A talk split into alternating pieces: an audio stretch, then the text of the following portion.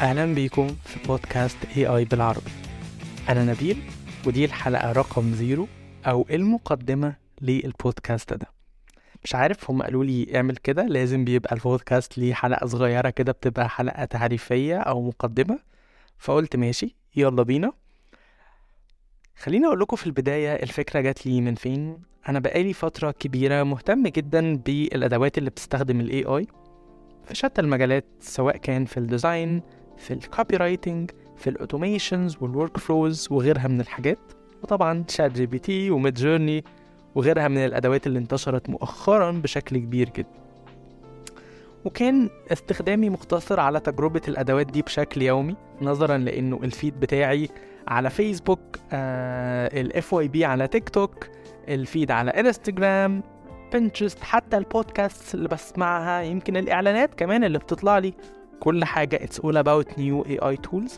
فاكتشفت إن أنا بستكشف كم كبير جدا من الأدوات الجديدة اللي بعضها مفيد ليا في شغلي بعضها ممكن يكون مفيد لناس تانية وهكذا. وكان مشاركتي للأدوات دي مقتصر جدا على الشغل. فكنت ببعت كده على Slack في في ال channels بتاعتنا في الشغل أعرف الشباب زمايلي في التيمز على الأدوات الجديدة وهكذا. كنت طبعا يعني إيه مزعج جدا. كل يوم ببعت كمية أدوات جديدة بستكشفها. وبعد كده فكرت طيب ليه ما كبرش الموضوع أكتر؟ وأوسع نطاق الاستفادة وأخلي ناس كتير من اللي حواليا من دوائري أو حتى الناس اللي ما يعرفونيش يستكشفوا الأدوات دي معايا ويتعلموا إزاي يستخدموها في حياتهم اليومية في شغلهم عشان تزود من البرودكتيفيتي تحسن من الإنتاجية بتاعتهم. يمكن كمان يستخدموها عشان يطلقوا مشاريعهم التجارية أو شركاتهم الناشئة.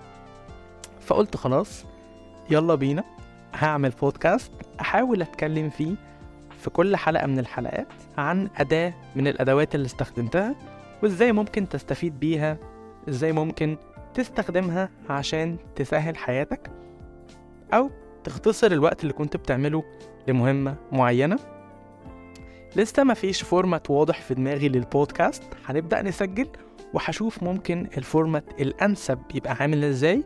طبعا هعتمد جدا على آرائكم وعلى تقييماتكم. بس كده هي دي فكرة البودكاست.